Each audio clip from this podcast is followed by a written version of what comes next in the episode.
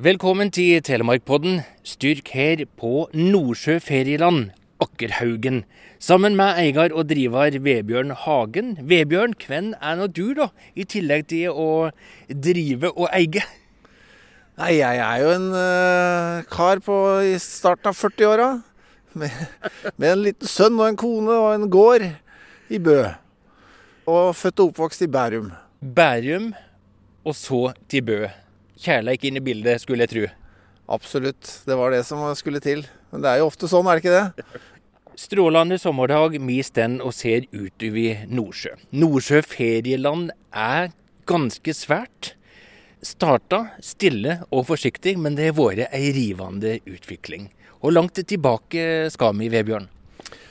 Nei, det ble jo begynt å lage dette her i, sånn jeg har blitt fortalt, i 1987, og så åpna de 88. Så, og det er morsomt når vi får se litt bilder innimellom fra den tida der, så har det jo skjedd enorme ting. Det er ikke tvil. Sentrum av Akkerhaugen, Indrefileten. Hva var det her tidligere? Da var det et sagbruk helt ned til Nordsjø, som ble brukt til å lage jernbanesviller for å bygge ut Sørlandsbanen. Så vi har en bygning som, som, det er bygd rundt, da, med en svær pipe som folk alltid lurer på hva er for noe. Og det er det som er forklaringen. Det er et sagbruk.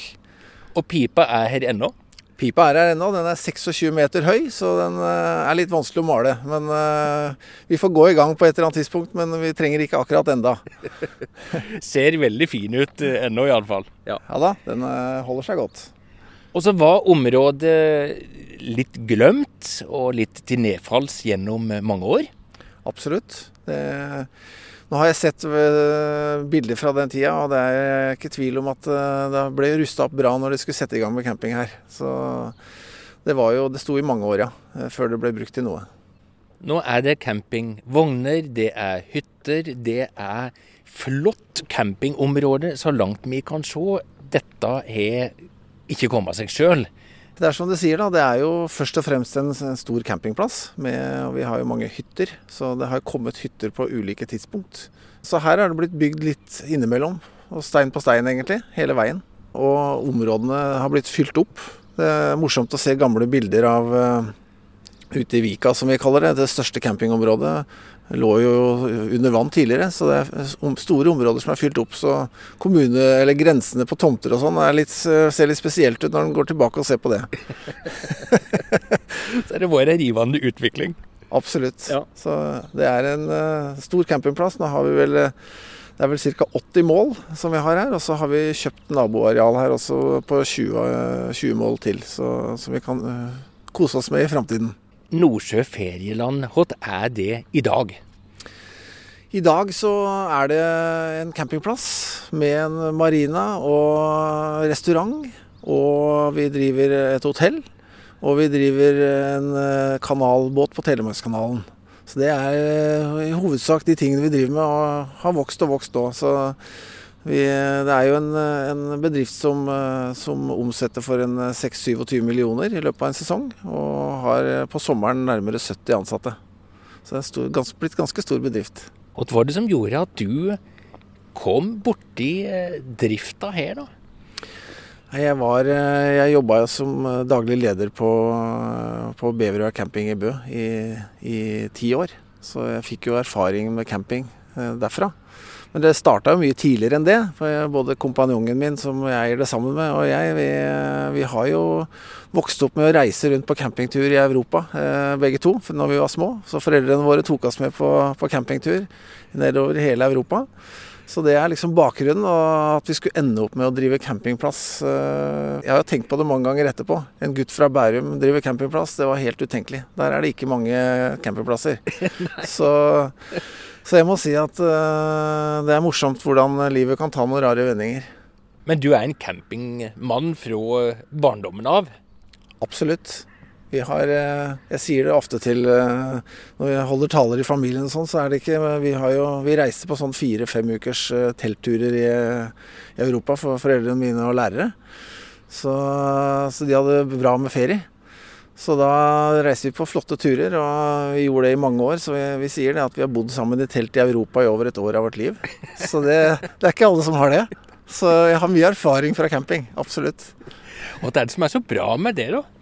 Nei, er, Vi merker det at det er det sosiale biten. Det er jo det som og, og friheten som ungene har. Barnefamilier som kommer og prøver dette her for første gang, eh, bare innser hvor fantastisk ungene har det. Og da har, jo, da har jo alle det bra når ungene har det bra. Så det, Vi har akkurat vært igjennom en sånn helg som er viktig rekruttering for campingbransjen, egentlig. og det er, eh, Vi har hatt fotballcup i Bø. En stor cup.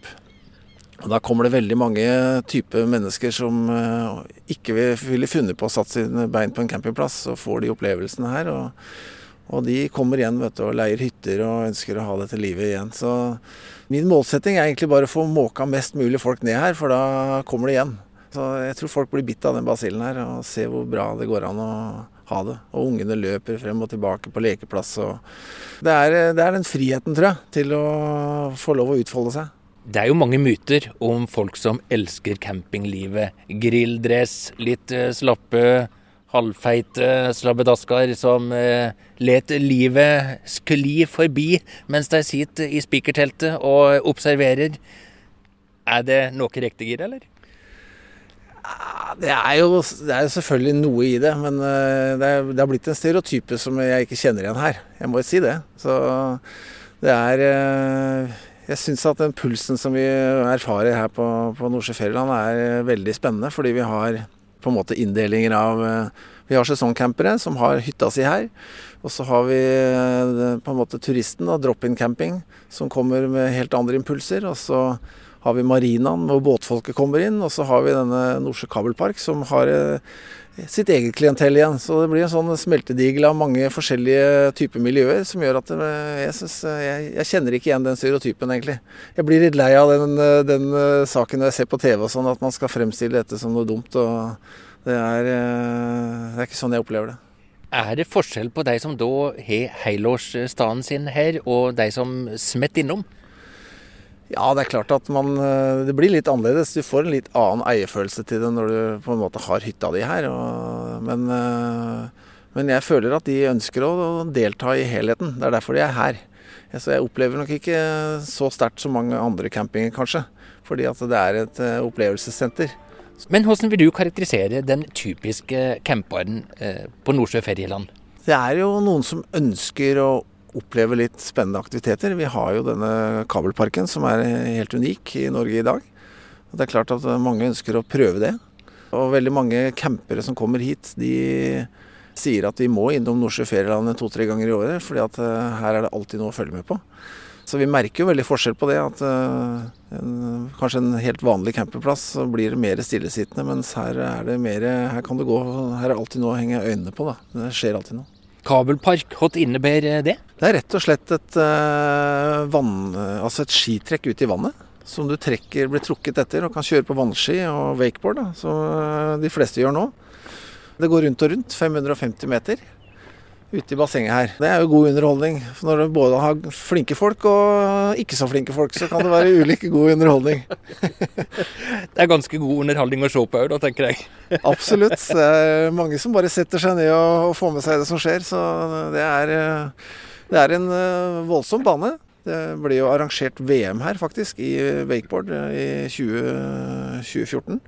Og det var et stort arrangement. Da var det jo folk fra nærmere 60 nasjoner som var her og kjørte. Så det er en ganske stor sport i utlandet. Nå har vi én sånn fullverdig bane som dette her i Norge, men i Tyskland så er det vel over 80 baner. Så det er en ganske, ganske stor idrett mange andre steder.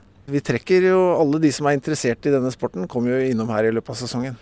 Nå står vi og kikker på Ja, det er dette her som er selve anlegget. Hvordan vil du beskrive det? Det er jo som et skitrekk. Det går en uh, vaier rundt i ring med noen stolper. Så det, er, det, ligner fælt på et skitrekk. Og det er jo det det er. Du kobler deg på og blir dratt av en uh, slags krok, da. Rundt. Og så kan du kjøre bare rundt banen hvis du vil, eller så kan du hoppe på masse forskjellige hopp og apparater vi har her som du kan uh, kose deg med. Må du være spesielt modig? Nei, jeg tror ikke det. Vi driver voldsomt med rekruttering eh, nå. og Det er jo veldig mange som syns det er spennende å prøve. Og det er klart at eh, en nybegynner eh, blir fort sliten. Fordi at det, man er ikke vant til de bevegelsene og hvordan dette her fungerer. Så det er liksom det å komme seg ut på å prøve litt, og så en time så er du, er du ferdig. Det er det nok. Men det er veldig mange veldig mange nye som prøver og syns det er moro. Vår oppgave er egentlig bare å, å få tak i enda flere som har lyst til å prøve. Jeg vet at de er opptatt av at her skal det skje noe. Det skal være aktiviteter for eh, alle generasjoner. Sommershowet har de hatt gjennom mange år. Fortell litt om eh, Piratbukta. Piratbukta det er en eh, kjempesuksess. Det har vært i, Nå er det 13. sesongen. Og starta med et lite sånn omreisende teater her, og så har det bare vokst og vokst. Og nå har vi liksom en arena hvor dette gjennomføres på hver sommer, og det er en stor satsing for oss. Det er snakk om hundretusener i kostnader hver sommer for å få dette her til i juli. Da. Men det trekker mye folk, heldigvis. Det er sånn at vi har lyst til å fortsette, og da, jo, da må det jo være ganske greit. Men det er jo mye arbeid, mye som ligger bak. og stor forestilling med, med bare profesjonelle skuespillere. Det er hard satsing. Men så er det jo en del som vil mene at dette får de holde på med på Sørlandet, ikke i Telemark. Det kan de mene, og det, det, kan man jo alltid diskutere. Det er klart at det er nok en litt annen type forestilling. Og det er klart eh, det er litt andre ressurser i sving der nede også når man setter i gang der. Så så dette er nok litt mer litt lightere utgave enn det. Men eh, en god fortelling, og det er en ny, ny fortelling hvert år som blir skrevet. Og, så det er mange, mange, fans som kommer igjen år etter år og vil ha med seg dette her. Vebjørn, da du og de andre eierne kom inn for noen år siden, så hadde de tanker og vyer. 25 år fram i tid er blitt fortalt. Hva var tankene? Vi ser et voldsomt potensial her som eh, ikke er tatt ut ennå. Så det er jo det vi tenker. At vi, vi, går jo med drømmer om eh, hvor mye mer vi kan få til. Da var det jo på en måte det som gjorde at vi òg begynte å gape over det hotellet. For vi, vi, så at hvis vi skal få til den veksten som vi ønsker å få til her, så var det veldig dumt hvis uh, det hotellet forsvant. Og det var jo litt i fare for. Så vi, vi bestemte oss for at det var viktig for oss da å ha de sengene i nærheten. Så det var jo et ledd i en plan om at det skal eh, vokse i årene framover her.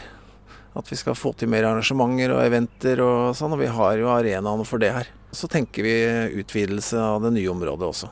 Hva vil de utvide med? Vi skal i gang med det nå, da. Så det er litt tidlig, egentlig. Men vi driver og snakker med en landskapsarkitekt som skal hjelpe oss med akkurat det der. Eh, hvor mye vi skal ha av hva, og hvordan ting bør se ut. Og bygge, lage liksom framtiden som vi skal eh, bygge etter. Så det blir veldig spennende. Det er litt dumt å forskuttere for tidlig akkurat det der, men, eh, men det er klart at eh, det å huse enda flere folk blir jo en eh, bit av det, i en eller annen form. Så det blir nok noe hyttebygging og litt forskjellig, tenker jeg. Men det er heftig satsing. Det er ikke bare hotellet, men det er båten òg på Telemarkskanalen. De må jo ha en voldsom tro på at de på et punkt skal få penning tilbake? Absolutt det har vi. Vi har jo begynt med, med, dette med båten, så var det jo mange som sa at eh, er det helt gærne? Men eh, det viser seg jo det at den var ikke så skummel å ta over. I hvert fall ikke foreløpig. Den er i veldig god stand. Så vi har ikke noen store problemer med den båten. Eh, så det er egentlig oppgaven der igjen, å bare få mest mulig folk til å være med den båten, så går det bra. Så vi har satt i gang eh, noe nytt i fjor da, som vi fortsetter med i år, som vi har tro på. Det er å bruke båten mer til andre typer arrangementer enn bare i ruta også. Da kjører vi litt pirattema der også.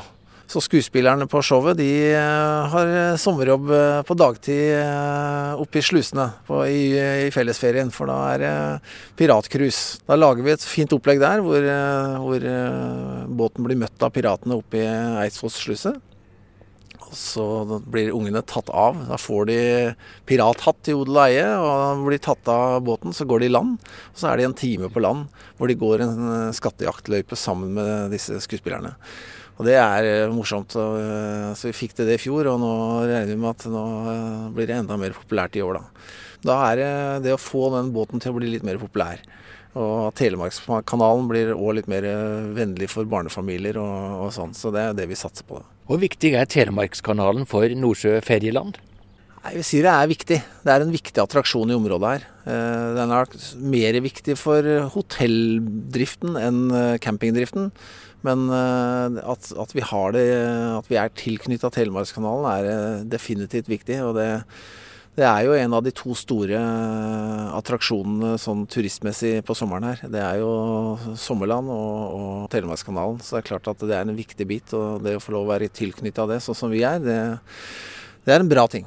Men da er du inne på det samarbeidet, det å gjøre hverandre gode. Hvor viktig er det? Det er veldig, veldig viktig.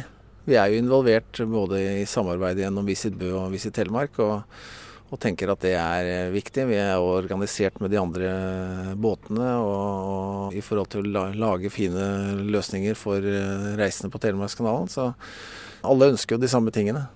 Vi ønsker jo at flere folk skal synes det er mer, mer, interessant. Så det er veldig bra giv i, i samarbeidsprosjektene nå, nå syns jeg. Og så er vi jo opptatt av det som er rundt oss her, og det er jo fruktbygda.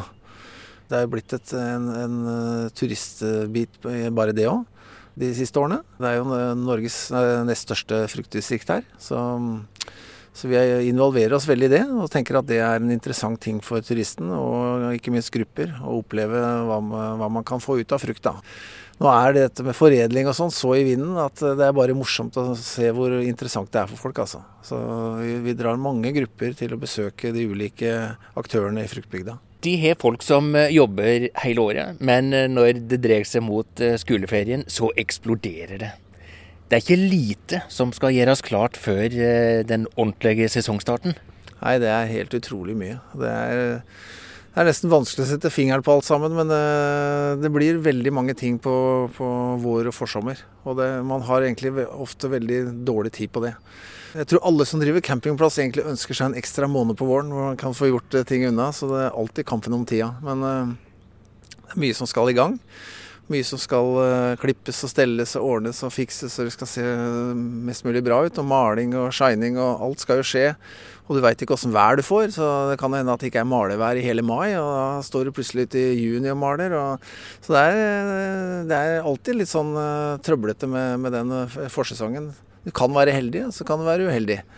Men det er veldig veldig mange ting som skal på plass. Og vi rekrutterer jo inn eh, til å lære opp av nye ansatte, og det er mange ting som foregår.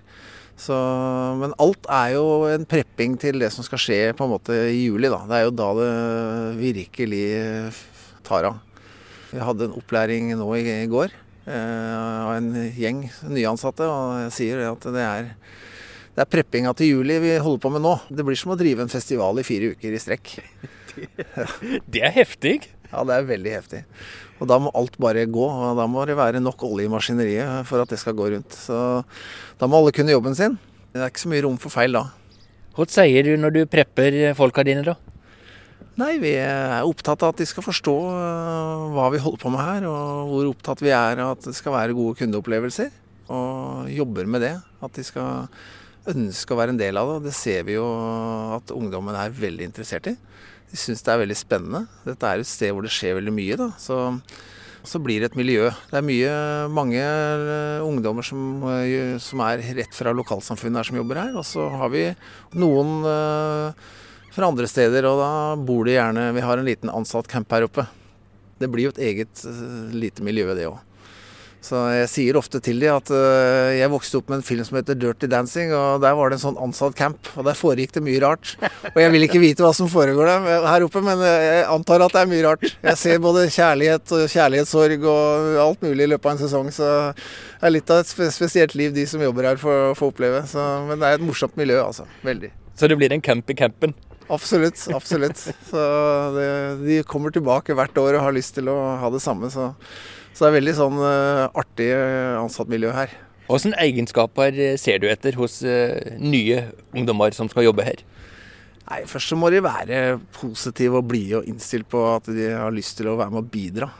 Vi forklarer jo hvor mye innsats det er og, hva som ligger bak. Så de må ha et sterkt ønske om å, være med og bidra til at gjestene våre får gode opplevelser. Og I de jobbene vi har her, så, så vi flyr jo ikke så mye og ser etter papir på det. Det er jo egentlig egenskapene og typene mennesker som på en måte skinner igjennom ganske fort. da. Så vi har intervjuer og kjenner litt på det. Så fått god trening på det i en del år nå. Hender det at du bommer? Absolutt. Absolutt. Det hender det. det jeg sa det i mange år etter hverandre at uh, du bommer kanskje med én hvert år. Og det kan være ille nok? Ja, det kan være ille nok, det. Men uh, jeg syns vi har vært heldige noen år nå, så jeg er veldig fornøyd med, med situasjonen. Altså. Så jeg har ikke følt det de siste par åra. Det er vanvittig mange servicefunksjoner på anlegget her. Alt fra restaurant til eh, dagligvare. Er det viktig å holde det på et så høyt nivå for å trekke folk til en campingplass? Ja, i hvert fall til Nordsjø ferieland. For jeg tror det er en del av, del av tingen her. Og jeg kjenner jo mange andre som driver campingplass, og de forstår ikke helt hvordan vi klarer å ha den restauranten på den måten som vi har. Det er ganske spesielt. Det er jo i hovedsak en campingplass, men det er jo òg et rekreasjonssted for lokalbefolkning og, og, folk fra hele regionen. Folk kjører jo fra Grenland og opp hit for å kose seg en lørdag og spise og ligge på stranda og slappe av. Så, så, vi føler jo at vi trekker mye folk fra og regionen rundt. Og da er den restauranten veldig, veldig viktig. Eh, og butikken også. Er, eh, det trekker Jeg tror det hadde vært Det hadde ikke vært det samme uten. Absolutt ikke. Da hadde det ikke vært det vi, vi føler liksom at det er litt sånn magisk sted. Og det hadde ikke vært helt det samme uten det. Samarbeidet med de fastboende på Akkerhaugen, det er du opptatt av. Hvorfor er det så viktig? Vi, vi, trenger gode ambassadører. Det er viktig for oss at de er, er glad for det vi holder på med her. Eh, snakke varmt om det. Det er klart at Hvis du må slåss mot lokalbefolkningen, så tror jeg det kan være en tøff vei å gå. Så vi er opptatt av at de skal trives og komme hit og føle at de er en del av det. Og så er det mye som skjer her eh, som vi ønsker å være en del av. Så det er jo sånn at uh, Akkerhaugen er et veldig sterkt lokalsamfunn, og veldig positivt og veldig dugnadsorientert lokalsamfunn. Som vi ønsker å være en del av. Så Vi ser jo det at det er plusser og minuser for de som bor her med at vi er her òg, så vi må jo på en måte prøve å være litt greie tilbake. Så det er jeg opptatt av. Så vi prøver å finne løsninger på det og, og lage litt arrangementer og sånn som er mynta på lokalbefolkningen. Ja, Hva gjør du konkret for å fri tilbake, for å holde oppe den gode tonen? Nei, hvis det er noen dugnadsprosjekter, så prøver vi å delta eh, så, så godt det er mulig. Eh, og så lager vi eh, i vinterhalvåret så lager vi jo bygdekvelder på hotellet og sånn for å lage noe hyggelig happenings. Og det er jo mynta rett på lokalbefolkningen. Så prøver vi å lage arrangementer òg på sommeren som de føler at de kan få være en del av. Og så nevnte du noe om eh, rockemiljøet her. Akkerhaugen rocksamfunn. Det er et eh, jeg kaller det et lite samfunn, egentlig. Er, der er det en del involverte i alle aldre. Det er et veldig artig miljø som, eh, som, ønsker å lage De lager jo musikk. Det er et øvingssted. De setter opp konserter. Eh, de satte opp nå i fjor var det jo satte opp en veldig populær sak, eh, en, en versjon av Woodstock som det var morsomt å se at uh, den eldste på scenen var 72 og den yngste var 16. Oi. Så det var en veldig god blanding, og det, det, sier alt om det miljøet der borte. At det er en veldig sånn positiv dugnadsgjeng som ønsker å lage uh, morsomme kulturløsninger. Så, og vi ønsker jo å være med der og, og gi de unge, nye talentene en arena å spille på og vise seg fram. Så vi har et veldig godt samarbeid med de og syns at det er veldig spennende. Der er det nye talenter som kommer stadig vekk. Så det er tydelig at eh, det gror veldig godt i bånn på den, eh, den, klubben der. Du er jo en campingmann fra barnsbeina. Hva er dine krav til den perfekte campingopplevelsen? Det aller, aller viktigste er at det er rent på sanitæranlegget. Det husker jeg fra barndommen òg, at det, du kan være så fin campingplass som bare det, men hvis det er møkkete på sanitæranlegget, så er det en drittcamping. Så, så vi er opptatt av det. Det er eh, renhold og velstelt og at ting er i orden her, det, det tror jeg er det aller viktigste for trivselen. Og så kommer det, de andre tingene som vi driver med her, blir jo på en måte bare oppå det. For det, det grunnleggende behovene er eh, allikevel det viktigste. Det å bo såpass tett det må jo av og til bli litt uh, klamt og litt uh, Ja, kanskje ikke det beste humøret alltid når en uh, er så tett innpå. Har du noen opplevelser der? Absolutt. Vi, vi, ler jo noen ganger hver sommer. Det, og det er jo ofte sånn at de som kommer med campingvogn eller bobil, de er jo litt vant til campinglivet og veit litt åssen det skal være. Men det vi ofte ser, er jo de som da skal gi ungene sine en opplevelse med å bo i telt, eh, og kanskje ikke er helt vant til det selv og vet hvordan dette henger sammen, så har vi sett en del artige løsninger. Så det, det, da, det hender vi får oss en god latter. For det, Er, der har det noe med intimgrenser og sånn å gjøre som de kanskje ikke tenker igjennom helt. Så vi må stadig gå bort og be dem flytte telt, da, for da har de satt nesten teltet oppå naboen. Og... Men det er kjempebra da, at uh, folk ønsker å gi ungen denne opplevelsen. Men uh, det, det, blir noen artige situasjoner ut av det. Er det sosiale regler for oppførsel på en eh, campingplass? Regler en må uh, kunne? Jeg vet ikke. Det er jo egentlig bare å du må ta hensyn til folk, folka rundt deg. Jeg tror kanskje det er den viktigste, at du ikke tror at du er aleine. Men det får du fort korreks på da rundt her. Så det er klart gjør det? Ja, det er klart. Folk reagerer på det hvis det er noe som skiller seg veldig ut i forhold til støy eller andre ting. Så, så blir det tatt, uh, tatt, ganske kjapt. Så folk som måtte sitte og pjalle utover i de små timer, uh, får passet påskrevet? Ja da, og vi har jo nattevakt her og som går og passer på, så det, skal ikke gå an. Det er klart at folk skal få sove her. Det er viktig. Så vi er en familiecamping og legger opp til det. Hvis det skal være sånn type liv, så, så er det passende nok et annet sted. Når er det stille, og når er det lov å lage lyd igjen da, om morgenen? Nei, jeg tror det er sånn det vanlige naturbiten. At eh, det er klart, unger kan jo begynne å fly ut ganske tidlig, de. Men uh, normalt sett så, så, er det liv her fra åtte om morgenen til elleve om kvelden. Og kanskje Vi ser jo det at uh, det er ikke alle foreldre som prioriterer å legge til klokka 11 i juli, så det blir ofte ikke stille før klokka 12. Men da pleier det å bli stille. De jobber og sliter og sliter og jobber, og så kommer juli, og så må det være godvær, for det er da de skal hente inn eh, kronene. De er jo svært avhengig av været, da. Veldig. Det er nesten skremmende. Så du går med høye skuldre helt til du passerer andre halvdel av juli og ser langtidsvarselet. Det vi ofte tenker nå, jo, eller vært sånn i en del år nå, er jo Det er ikke hvordan været blir, det er hvordan det er meldt som er, som er kanskje det viktigste. Så hvis du har ti dagers varsel med greit vær 15.07, så kan du begynne å slappe av litt. Da går det. Men eh, vi har jo opplevd eh, noen ordentlig fæle somre med bare regn. Vi hadde to på rad i 2011 og 2012. Da var det, og Jeg ser de tallene fra den tida der, så er det krise. Det er rett og slett krise. Så vi ønsker oss ikke det, men vi veit det kommer igjen. Det kommer noen sånne somre. Men vi håper det drøyer. Kan det bli for varmt og for mye sol òg? Jeg tenker 2018. Det var Mange sier at det må ha vært kongesommeren noensinne, liksom. Men for oss så, så føler vi det at den julien ble, ble ikke noe spektakulær på noen måte. Da tror jeg det var veldig veldig bra i mai og juni. Og så tror jeg veldig mange hadde tatt ut en god del ferie på det tidspunktet. Så det blei liksom Det flata litt ut i juli. Og da var alt brunsvidd, og det var ikke lov å grille. Og det var en del Det var ikke bare positive ting med det der heller. Det var en fantastisk vær, men vi har ledd av det etterpå. Mye vil ha mer. Vi, vi, ønsker oss det samme været, men vi vil at det skal regne om natta. ja. Så hvis vi bare kunne få det òg, så hadde det vært greit. Nei da, men det, det, er jo sånn det er. Det beste for, for vår drift og vårt område er en, en normal sommer med 20-25 grader og, og lettskyet og pent vær er egentlig det ideelle. Og så kan det regne litt innimellom. Det er det som blir de beste somrene her. Og ikke minst at det høljregner på Vestlandet og er 12 grader.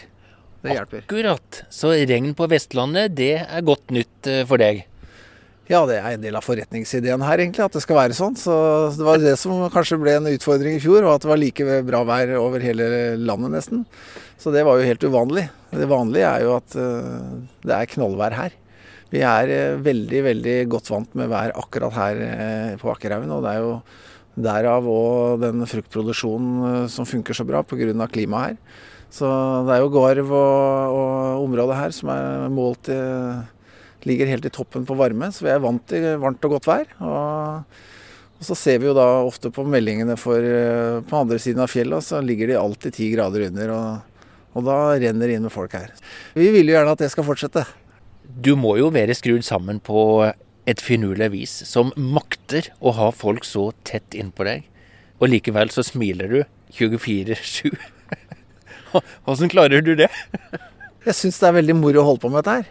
Og så har du da Får du nå på den tiden her av året påfyll med en haug med friske ungdommer som kommer inn med sine tanker og ideer og humør, og da blir det jo det blir jo en høytid. Så det er klart at uh, du kan spørre kona mi om jeg ikke er litt deprimert sånn i andre halvdel av august, når liksom alt bikker nedover igjen.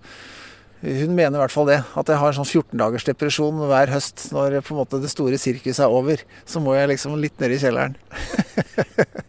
så, men uh, hvis det greier seg med 14 dager, så tror jeg jeg skal være fornøyd. Vebjørn Hagen, tusen takk for uh, omvisinga her i Nordsjø ferieland. Ja, det var veldig hyggelig at du kom. Styrk Fjærtoft, Nordsjø ferieland.